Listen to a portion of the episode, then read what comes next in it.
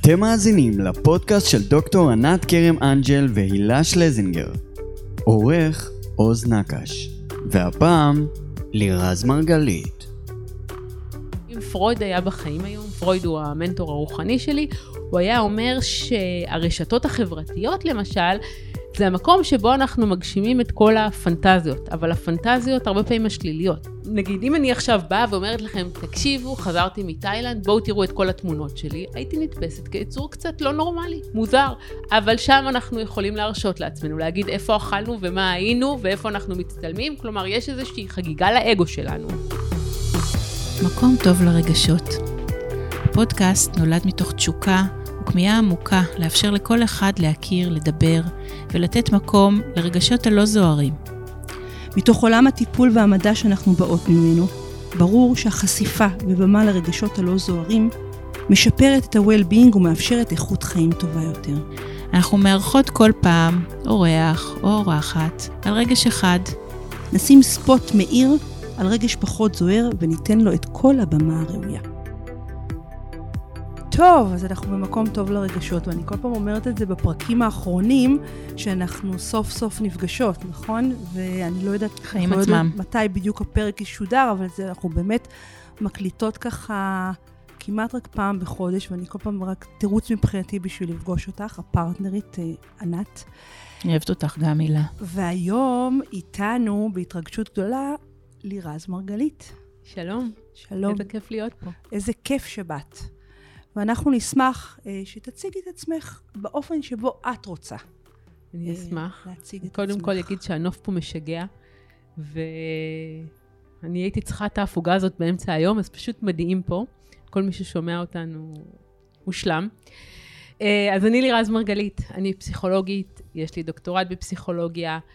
ההתמחות שלי היא בקבלת החלטות, כלכלה התנהגותית, קוגניציה, ובשנים האחרונות אני עוסקת בממשק הזה, בחיבור בין הדיגיטל לבין הטכנולוגיה, למעשה איך הטכנולוגיה משפיעה על ההתנהגות שלנו. ואני כן אגיד, כזה, כספוילר, שאחת הביקורות שאני מקבלת המון, זה שאני נוגעת בהמון המון תחומים. כלומר, איך יכול אה, להיות בן אדם שהוא מומחה בכל כך הרבה תחומים, ומבחינתם בצדק. וכאן המקום שאולי שווה להסביר. שהטכנולוגיה משפיעה על החיים הזוגיים שלנו, והיא משפיעה על העסקים שלנו, והיא משפיעה על האופן שבו אנחנו מקבלים החלטות, ואפילו על חיי המשפחה, ולכן כשאני חוקרת את ההשפעה של הטכנולוגיה, אני חוקרת את כל האספקטים האלה. ולאחרונה גם uh, הוצאתי ספר, שבעצם הספר מספר איך הטכנולוגיה גם, או יותר נכון האנשים שמאחורי הטכנולוגיה, איך הם מעצבים לנו את התודעה, ואיך הם uh, דואגים שבעצם נעשה מה שרווחי לביזנס שלהם. שנהיה מכורים. כן. אה, כן. כן, נקודה. בין היתר. שנהיה מכורים, שנקנה יותר, שנקרא יותר, שנצרוך יותר תכנים מסוגים מסוימים. נכון. לגמרי, שבעצם הטכנולוגיה, אם אני מבינה נכון, בגלל זה לא ברורה לי הטענה של האנשים שאומרים, היא משפיעה על כל מערכת יחסים, נכון? גם על הגוף נכון. שלנו. גם מאוד. על עולם הרגש שלנו. מאוד. נכון, אז... ובאמת, אה, הבית שלנו פה מקום טוב לרגשות, אה, שקודם כל, אני שמחה שתמיד קבלת הפנים היא אה, כל כך אה, מחבקת עם, הטבע מולנו ועם הים הכחול, ותמיד מתחילים אה, עם, עם חיוך. אה, וזה מקום עם ש... שתיכן, זה לא רק הטבע, כלומר אתן הטבע מאוד שלנו. מקבלות. אמ, כן, ובאמת אמ, בתוך כל באמת העשייה המבורכת והמחקר והידע, אמ, הקשבתי לכל כך הרבה דברים ש... ש... נתת באמת מתוך הניסיון שלך, אמ, אז חשבנו להביא אותך לתוך המקום של העולם הרגשי, אמ, בתוך, בתוך העולם הטכנולוגי והדיגיטל, ואשמח קצת אה, לשמוע. אז אני אגיד ככה, העולם הרגשי בתוך הדיגיטל זו סוגיה אה, מרתקת בפני עצמה.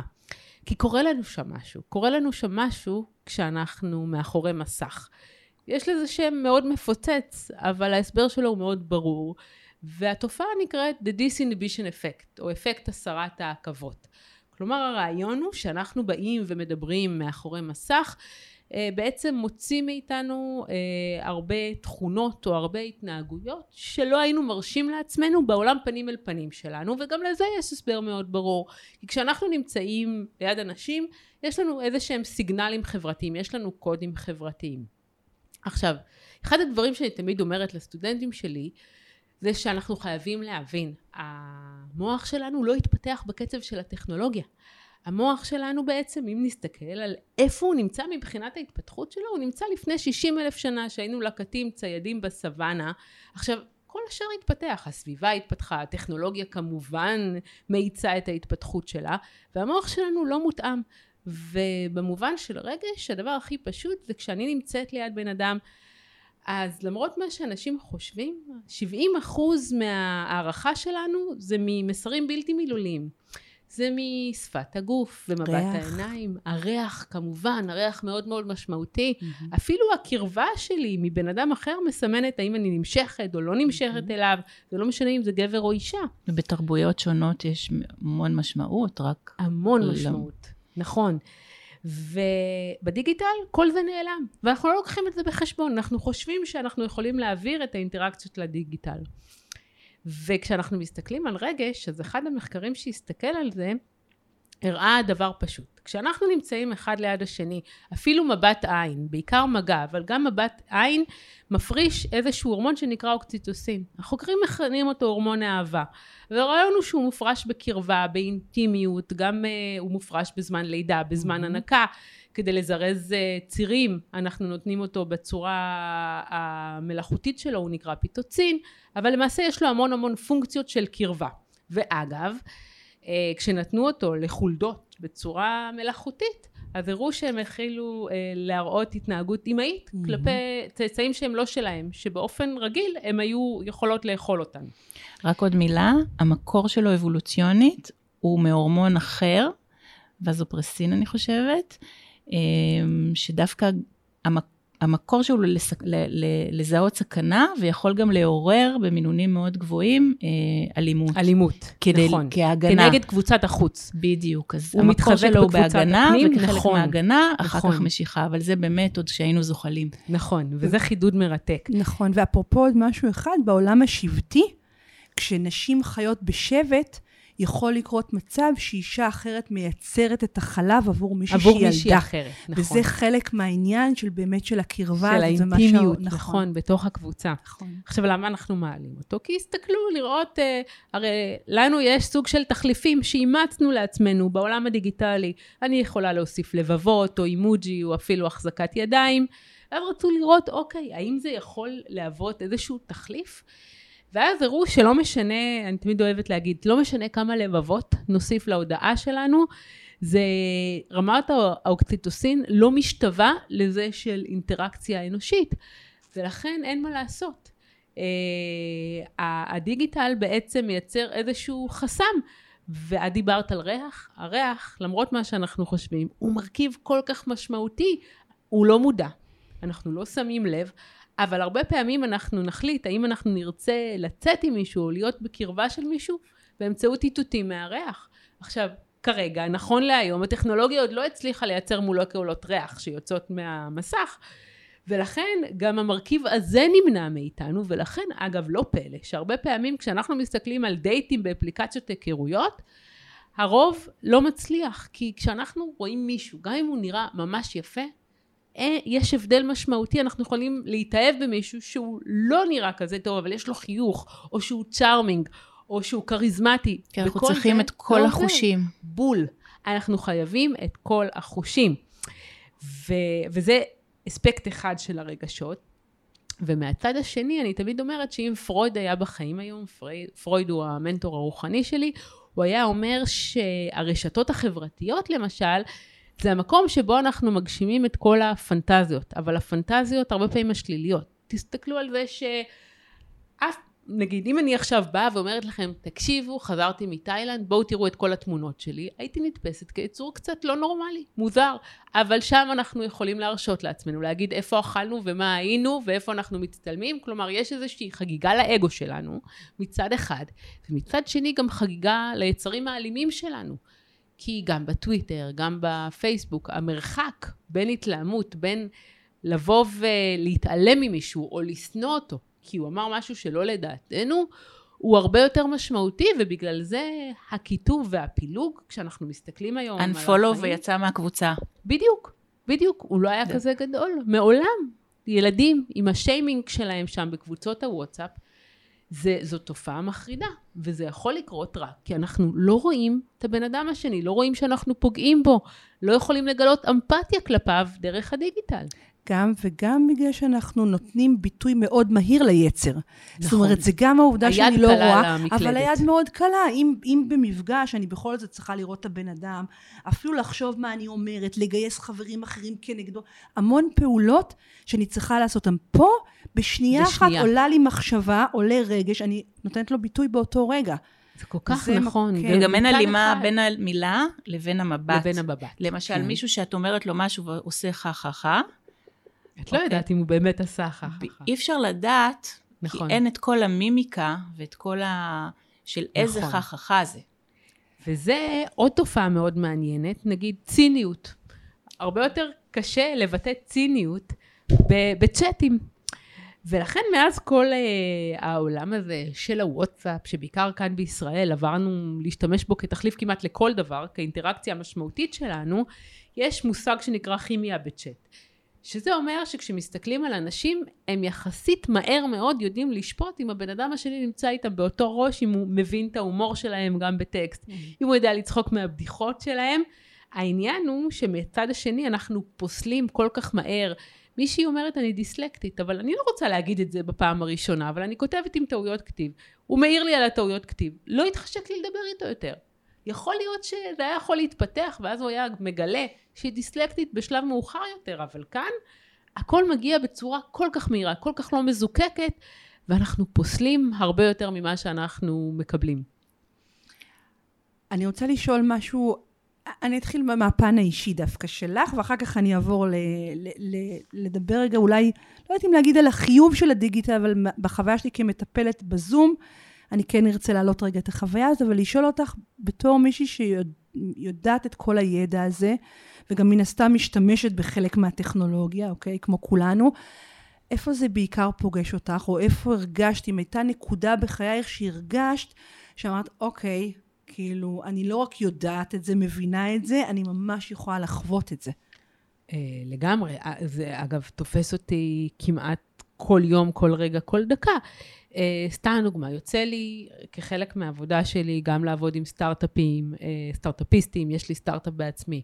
אפילו בשיחות עם משקיעים, לפעמים אני יודעת שאם אני נמצאת ליד המשקיע מולו ומסתכלת לו בלבן של העיניים, אני מכירה את עצמי, אני יודעת שאני יכולה אה, בעצם לגייס. אבל בזום זה הרבה יותר קשה, הרבה יותר קשה להביא את עצמך לידי ביטוי.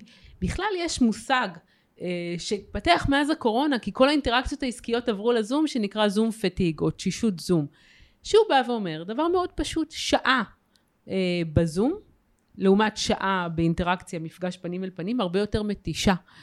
הרבה יותר קשה לנו להבין, לעבד את ה micro expression, את הבעות הפנים. עבודה אנחנו, קשה מאוד. עבודה מאוד קשה, בגלל זה אנשים מתפלאים, הם אומרים לי, תראי, כל מה שעשיתי היה לי היום חמש שיחות זום, אני מרגיש כאילו עברתי מרתון, וזה נכון, זה, זה קשה, ולי היה מאוד מאוד קשה דרך הזום, ואגב, אני גם הרבה פעמים בזום, היו לי המון הרצאות. כל ההרצאות שלי, בקורונה סליחה, היו לי המון הרצאות, כולן או התבטלו או עברו לזום. אני מוצאת את עצמי מתאמצת הרבה יותר כדי להביע את עצמי, כדי לבוא ולסחוף את הקהל, זה כמעט בלתי אפשרי דרך הזום. ואני מוצאת עצמי גם הרבה פעמים מרגישה לא נוח, כי חלק אה, נמצאים בלי מצלמות. אני לא יכולה בלי לקבל פידבק מהקהל בדיוק. שלי. בדיוק. ובמובן הזה זה כל כך קשה. בגלל זה אני אה, הצהרתי כמה פעמים, אה, ואני לא יכולה אחרת, אני לא יכולה לטפל בזום.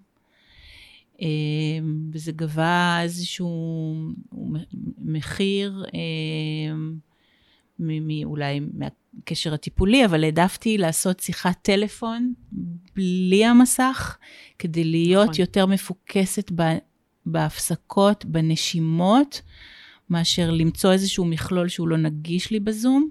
נכון. אז הקשר הוא היה טלפוני, אני גם, ההרצאה שלי לא בזום, ואמרתי, אנחנו נמתין בסבלנות, ובפורום של 20, כל פעם שהיו קפסולות, וגם הפורמט הזה, כמו שהשותפה שלי יודעת, אה, אה, ולכן בחרנו בים ולא באולפן סגור. ברור. כן. אה, עם מפגש של קרוב של אנשים, אבל באמת. אבל אני חייבת רגע ליצור, סוף סוף יש לנו התנגדות, או, או, או שוני. אני מאוד אוהבת לטפל בזום. באמת? אני חושבת שיש לי המון מטופלות מחו"ל, או טרום הקורונה, ויש איכות כמעט בלתי אמצעית. דרך הזום, ויש מקומות שהטיפול מגיע לעומקים שהם לא היו אפשריים מבחינתי, בסדר? בקליניקה.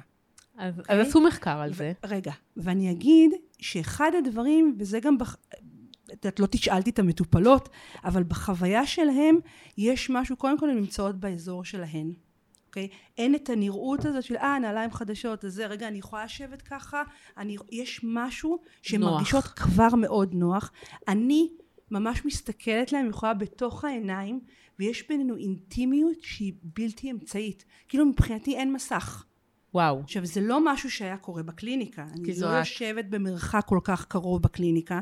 אני כמעט לא נכון. נוגעת, רק במקרים מאוד מסוימים שאני עושה grounding שקשור בחרדה.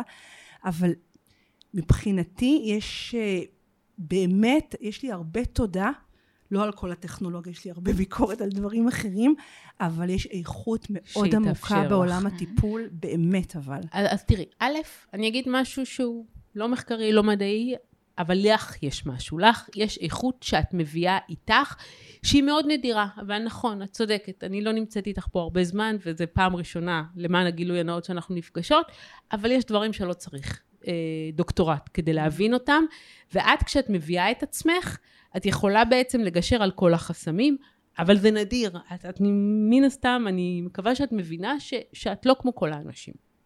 זה א', אבל את זה נשים לרגע בצד. אוקיי.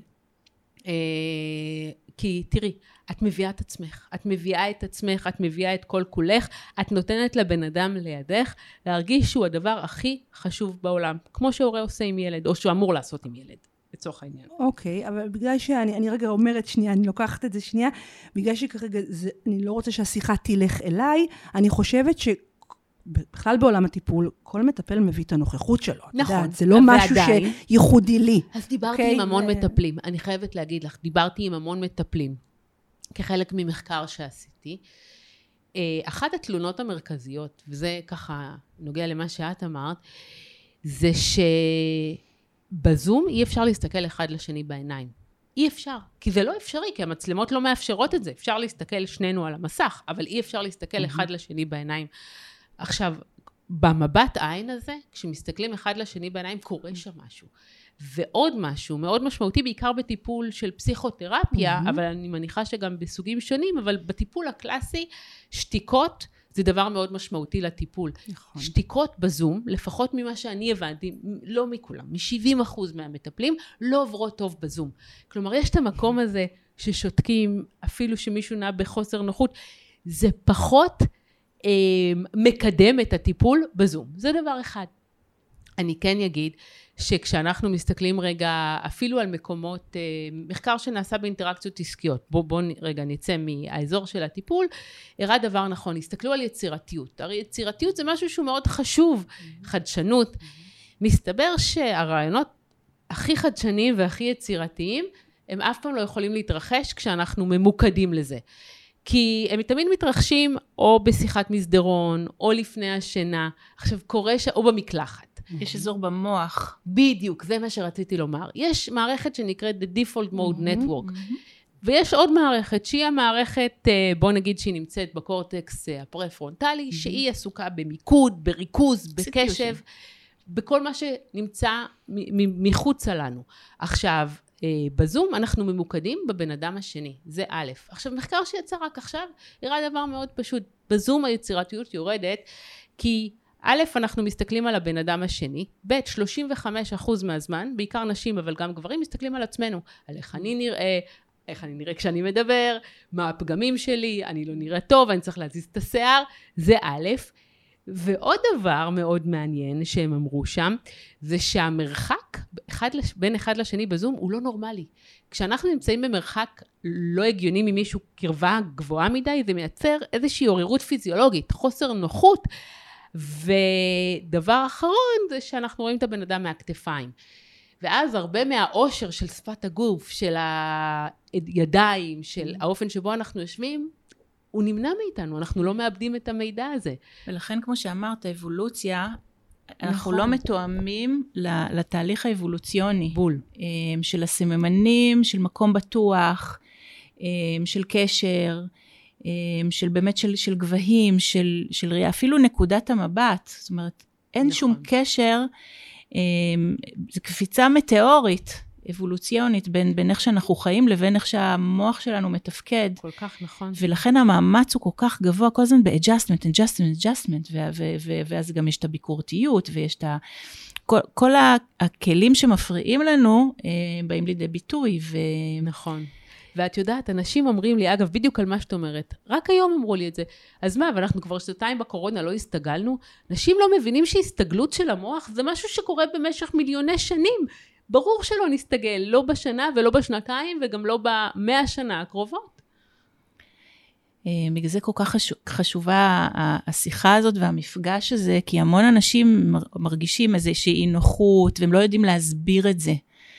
אה, וזה כל כך חשוב לדעת נכון. את זה, בגלל זה... חושבים שמשהו אצלהם לא בסדר. כן, בדיוק. זה גם יוצר איזו אטימות פנימית, רגשית, ואיזו תחושת בדידות מאוד גדולה. נכון. לא מדברת נכון. רגע על המטופלים, אני מדברת בכלל על אנשים שמש... שכל הנושא הזה של הקורונה והטכנולוגיה, וכל אחד, אה, יש מין לא יודעת אם בושה, אבל כמו מין הסתרה כזאת, אף אחד לא מכריז על זה בקול רם, ולכן זה ככה משהו, את יודעת, מתחת לפני השטח, שהוא מאוד חשוב שהוא ידובר, כדי להבין, גם כדי לשים את עצמם על הסקאלה, וגם כדי לראות איך בכל זאת אה, מפרקים קצת מפרקים את המקום את זה, הזה. נכון. כן. אז קודם כל, באמת לדעת את זה, ובגלל זה חשוב, אה, קודם כל אני ממליצה לשמוע לכל מי שמקשיב אה, לפודקאסטים ולרעיונות ש, שאת מביאה כל פעם אה, את המקום הזה מכיוון אחר, גם באהבה וברגשות, אה, ודיברת על, אה, על המונחים החדשים האלה של פומו.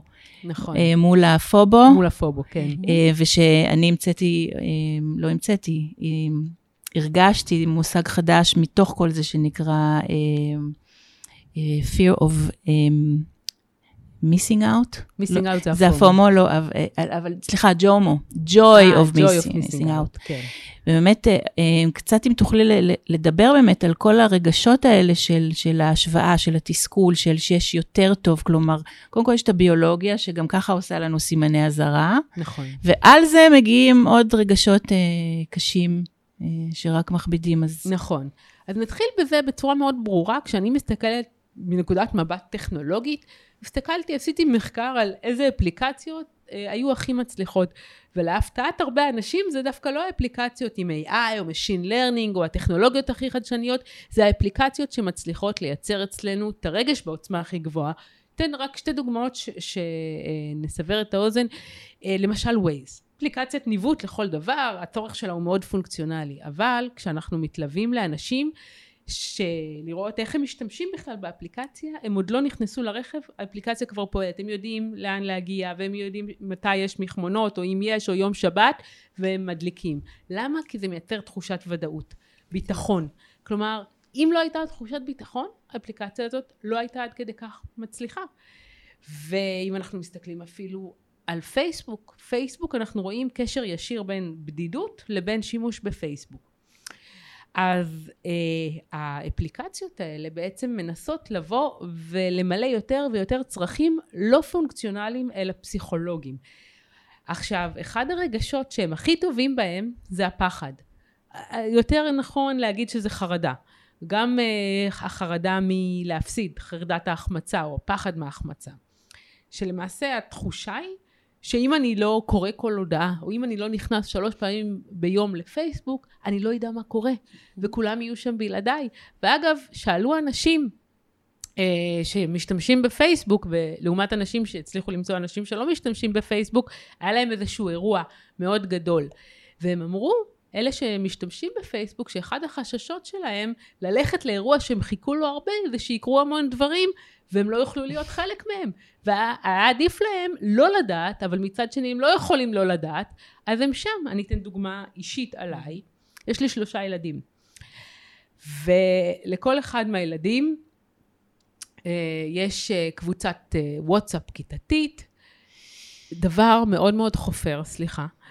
והרבה פעמים אימהות נמצאות שם משועממות, לא יודעת מה הן עושות כל היום, אבל הן ראית את זה וראית את זה, ואיפה אפשר לקנות ככה.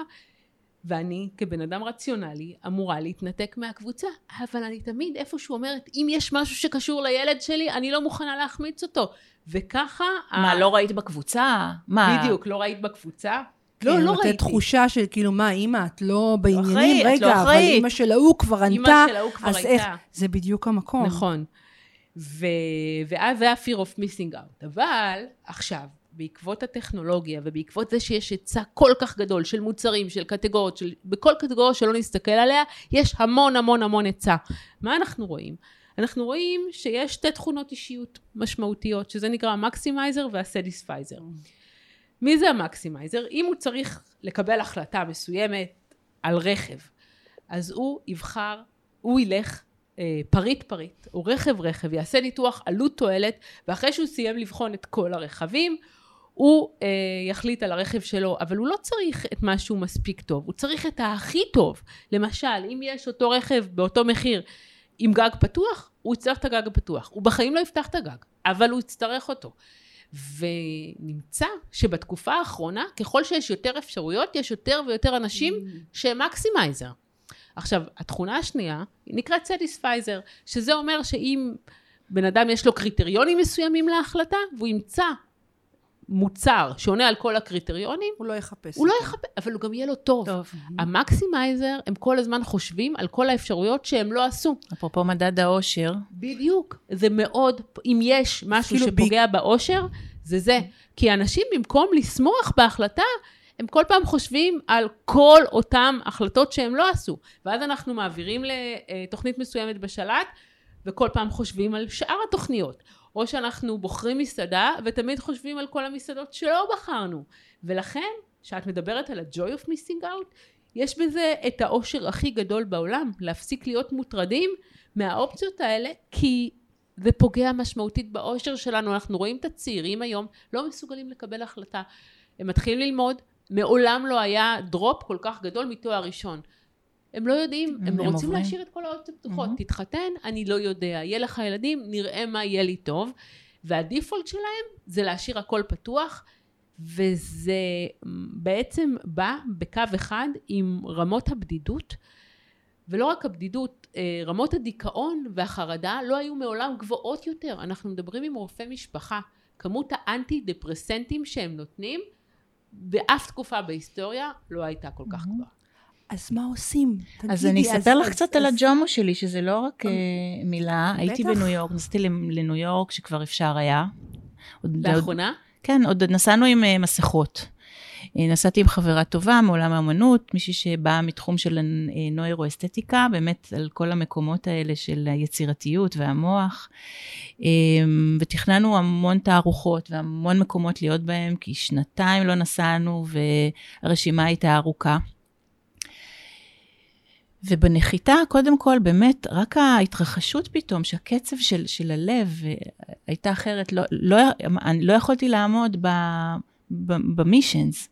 וואו. ופשוט עצרנו, אחרי תערוכה אחת ביום, ישבנו לאכול ושתינו קפה, ופשוט זו הייתה הערה כל כך גדולה של משהו שלא היה קודם. קצת, תמיד נוסעים ורוצים ומספיקים והצגות, ואמרתי, לא, וכל כך נהניתי.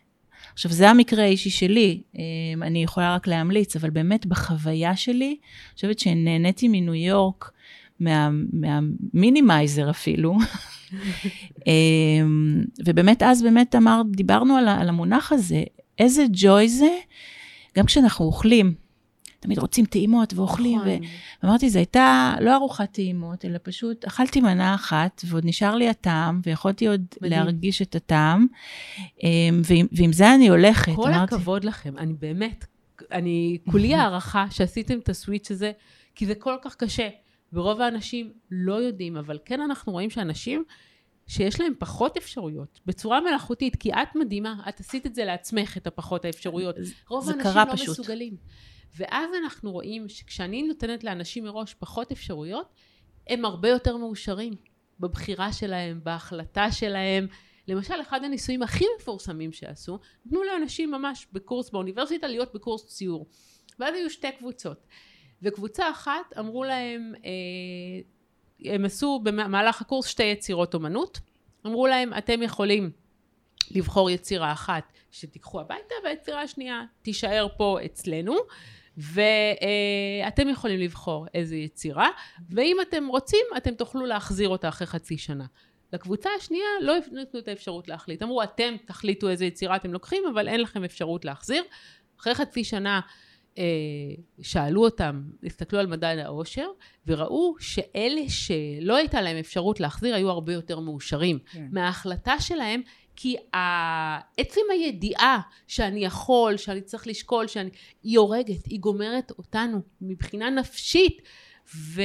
ועצם זה שיש כל כך הרבה אפשרויות, זה כמעט בלתי אפשרי או בלתי אנושי לצפות שלא אה, יהיה לנו את הפובו הזה, את ה-fear of better options, mm-hmm. את הפחד מזה שיש עוד אפשרויות יותר טובות ואני רוצה את הכי.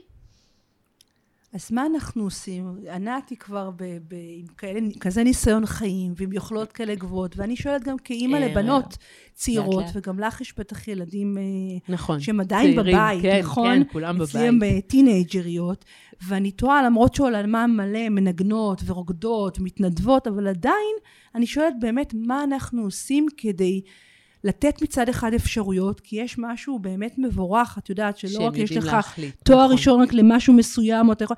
יש משהו במגוון הזה, שבעיניי הוא מאפשר חופש מאוד גדול. מצד שני, יש כל הזמן רדיפה אחרי המגוון, אז, אז אז יש... החופש באמת זה משהו אה, מדומה, כי כן אנחנו רואים, וזה מאוד לא פוליטיקלי קורקט להגיד את מה שאני אומרת, אבל כן אנחנו רואים שבעולם שיש בו פחות אפשרויות, אנשים יותר מסופקים. עכשיו, מה שאני אימצתי לעצמי, זה כן לתת לילדים אפשרויות, אבל להגביל את האפשרויות. כי כשנותנים אין סוף אפשרויות, לא רק שזה לא חופש, זה רק כובל אותנו למין אובססיה מחשבתית של, רגע, מה נעשה ואיך... לא, צריך לקבל החלטה, וזה מה שאני תמיד אומרת להם. תקבלו החלטה ותלכו איתה. יש משהו מאוד מעניין אצלנו, אצל uh, החיה האנושית הזאת, שאנחנו מסתכלים על החיים כעל צמתים של קבלת החלטות. כביכול, יש לנו שתי אפשרויות, והאפשרות שאני אבחר הולכת לשנות את החיים. אני אומרת להם, לא, זאת לא תפיסה נכונה. זה לא משנה מה תחליטו, זה משנה מה תעשו עם מה שתחליטו, זה הדרך. זה ממש לא מעניין, זה לא רגע ההחלטה, אנחנו נותנים כל כך הרבה חשיבות לצומת ההחלטה. אני אומרת, תשחררו. אם אתם, יש לכם שתי עבודות, תלכו לעבודה שבחרתם בלי לחשוב, בלי להסתכל אחורה, ותדאגו לעשות אותה הכי טוב שיש, כל השאר כבר לא משנה. וזה מה שאנחנו צריכים uh, להבין. ו, וזה מגיע לכל תחום בחיים, אפילו ברמה של, אתם יודעים, אנשים אומרים ללמוד פסיכולוגיה או ללמוד מתמטיקה, שני דברים שונים לגמרי. לא, אני רואה, הנה, אפילו הדוגמה שלך, בסוף אנשים ימצאו את מה שנכון להם, ימצאו את המשמעות שלהם, זה לא משנה מה משמעות. תלמדו או מה תבחרו. הדרך, באמת, זה קלישאה, אבל הקלישאה הזאת היא כל כך נכונה, ולכן צריך להפסיק להתמקד ברגע הבחירה או באפשרויות, וצריך להתמקד במה אני עושה עם זה הלאה. ואני אשאל ככה, אפרופו קבלת החלטות, אם את, אם את תסכימי לענות, יש איזושהי החלטה בחייך שקיבלת ו... כאילו הרגשת שזה לא, מה שנקרא, החלטה פחות טובה, או לא נכונה, או אפילו... או what if.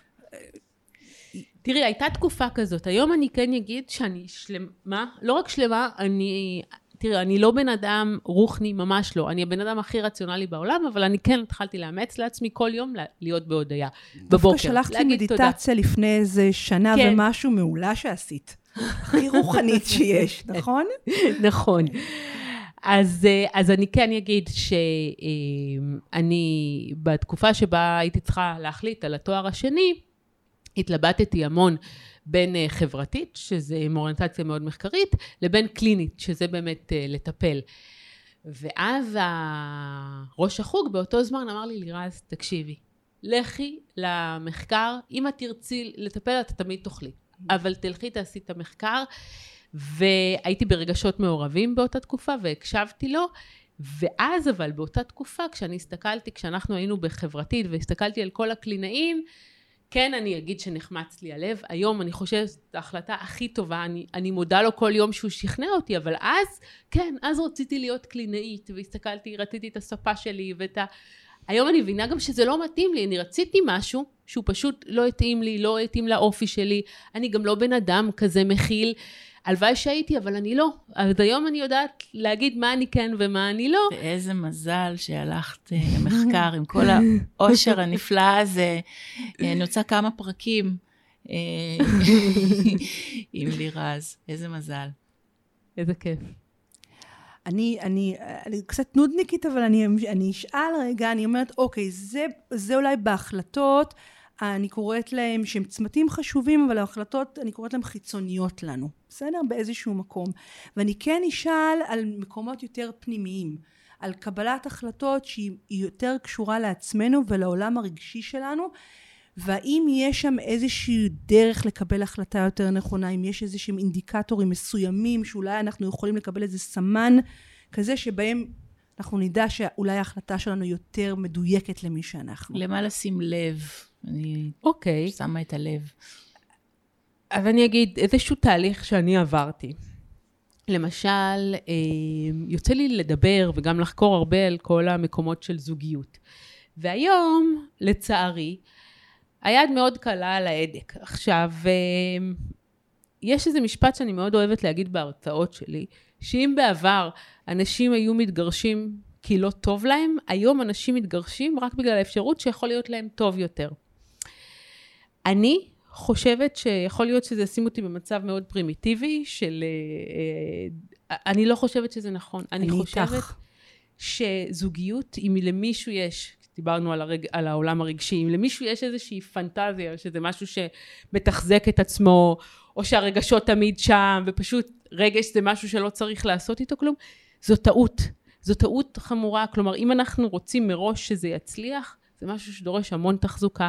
אי אפשר גם לצפות שאותו בן אדם יענה על כל הצרכים הרגשיים שלנו, זה לא קיים. ואז ברגע שזה לא קיים, אנשים מיד אה, עושים את החושבים ומחפשים במקום אחר. ו... ואני אומרת שצריך רגע, זה משהו שלצערי לא מדובר מספיק, אבל uh, גם חיי נישואים שנראים מדהים, גם שם יש מריבות. אגב, יותר מזה, אם אין ריבים, משהו שם לא בסדר, אז גם אין רגש וגם אין אכפתיות. אבולוציונית, אנחנו לא בנויים להיות עם בן אדם עם אחד. עם בן אדם אחד, נכון, אנחנו לא בנויים למונוגמיה, ממש ממש לא. אז לכן אם כבר קיבלנו את ההחלטה, אז אנחנו צריכים להבין שזה משהו שצריך לעבוד עליו, לעבוד עליו כמו שאנחנו עובדים על הקריירה שלנו, mm-hmm. לעבוד גם שם, אחרת זה לא יעבוד. אה, וזה משהו בעולם הרגשי שלי, אני הייתי כל כך נאיבית, או אפילו ילדותית, הייתי בטוחה שבאמת אה, זה אמור לתחזק את עצמו, שיש את סיפורי דיסני, ו- וזה Forever קורה. Forever and ever. בדיוק. ולאט לאט הבנתי שזה לא שם, ואז באמת הייתי צריכה לקבל החלטה, אוקיי, אז מה עושים? ו... ואני קיבלתי את ההחלטה שצריך לעבוד על זה, שלצערי לא הרבה אנשים מחליטים לקבל אותה, וזה משהו בצד הרגשי, שכן הייתי צריכה להתעורר ממנו, מהנאיביות הזאת, מזה שהכל יכול להיות מושלם. אין, אין דבר כזה. זה כאילו שובר את הרומנטיקה, וזה הכי שם אותך כאילו עובד אדמה, אני קוראת לזה. בדיוק. אבל זה בדיוק המקום, אה, זה באמת לא יכול לעבוד מעצ... מעצמו, ואני אגיד יותר מזה, כמו כל מערכת יחסים. זה כמו שאת יודעת, הורים באיזשהו שלב, שילדים מגיעים לגיל 16-17, לא מבינים למה אין תקשורת. נכון. עכשיו אני אומרת, מה זאת אומרת? מה היה לפני 5-10 שנים?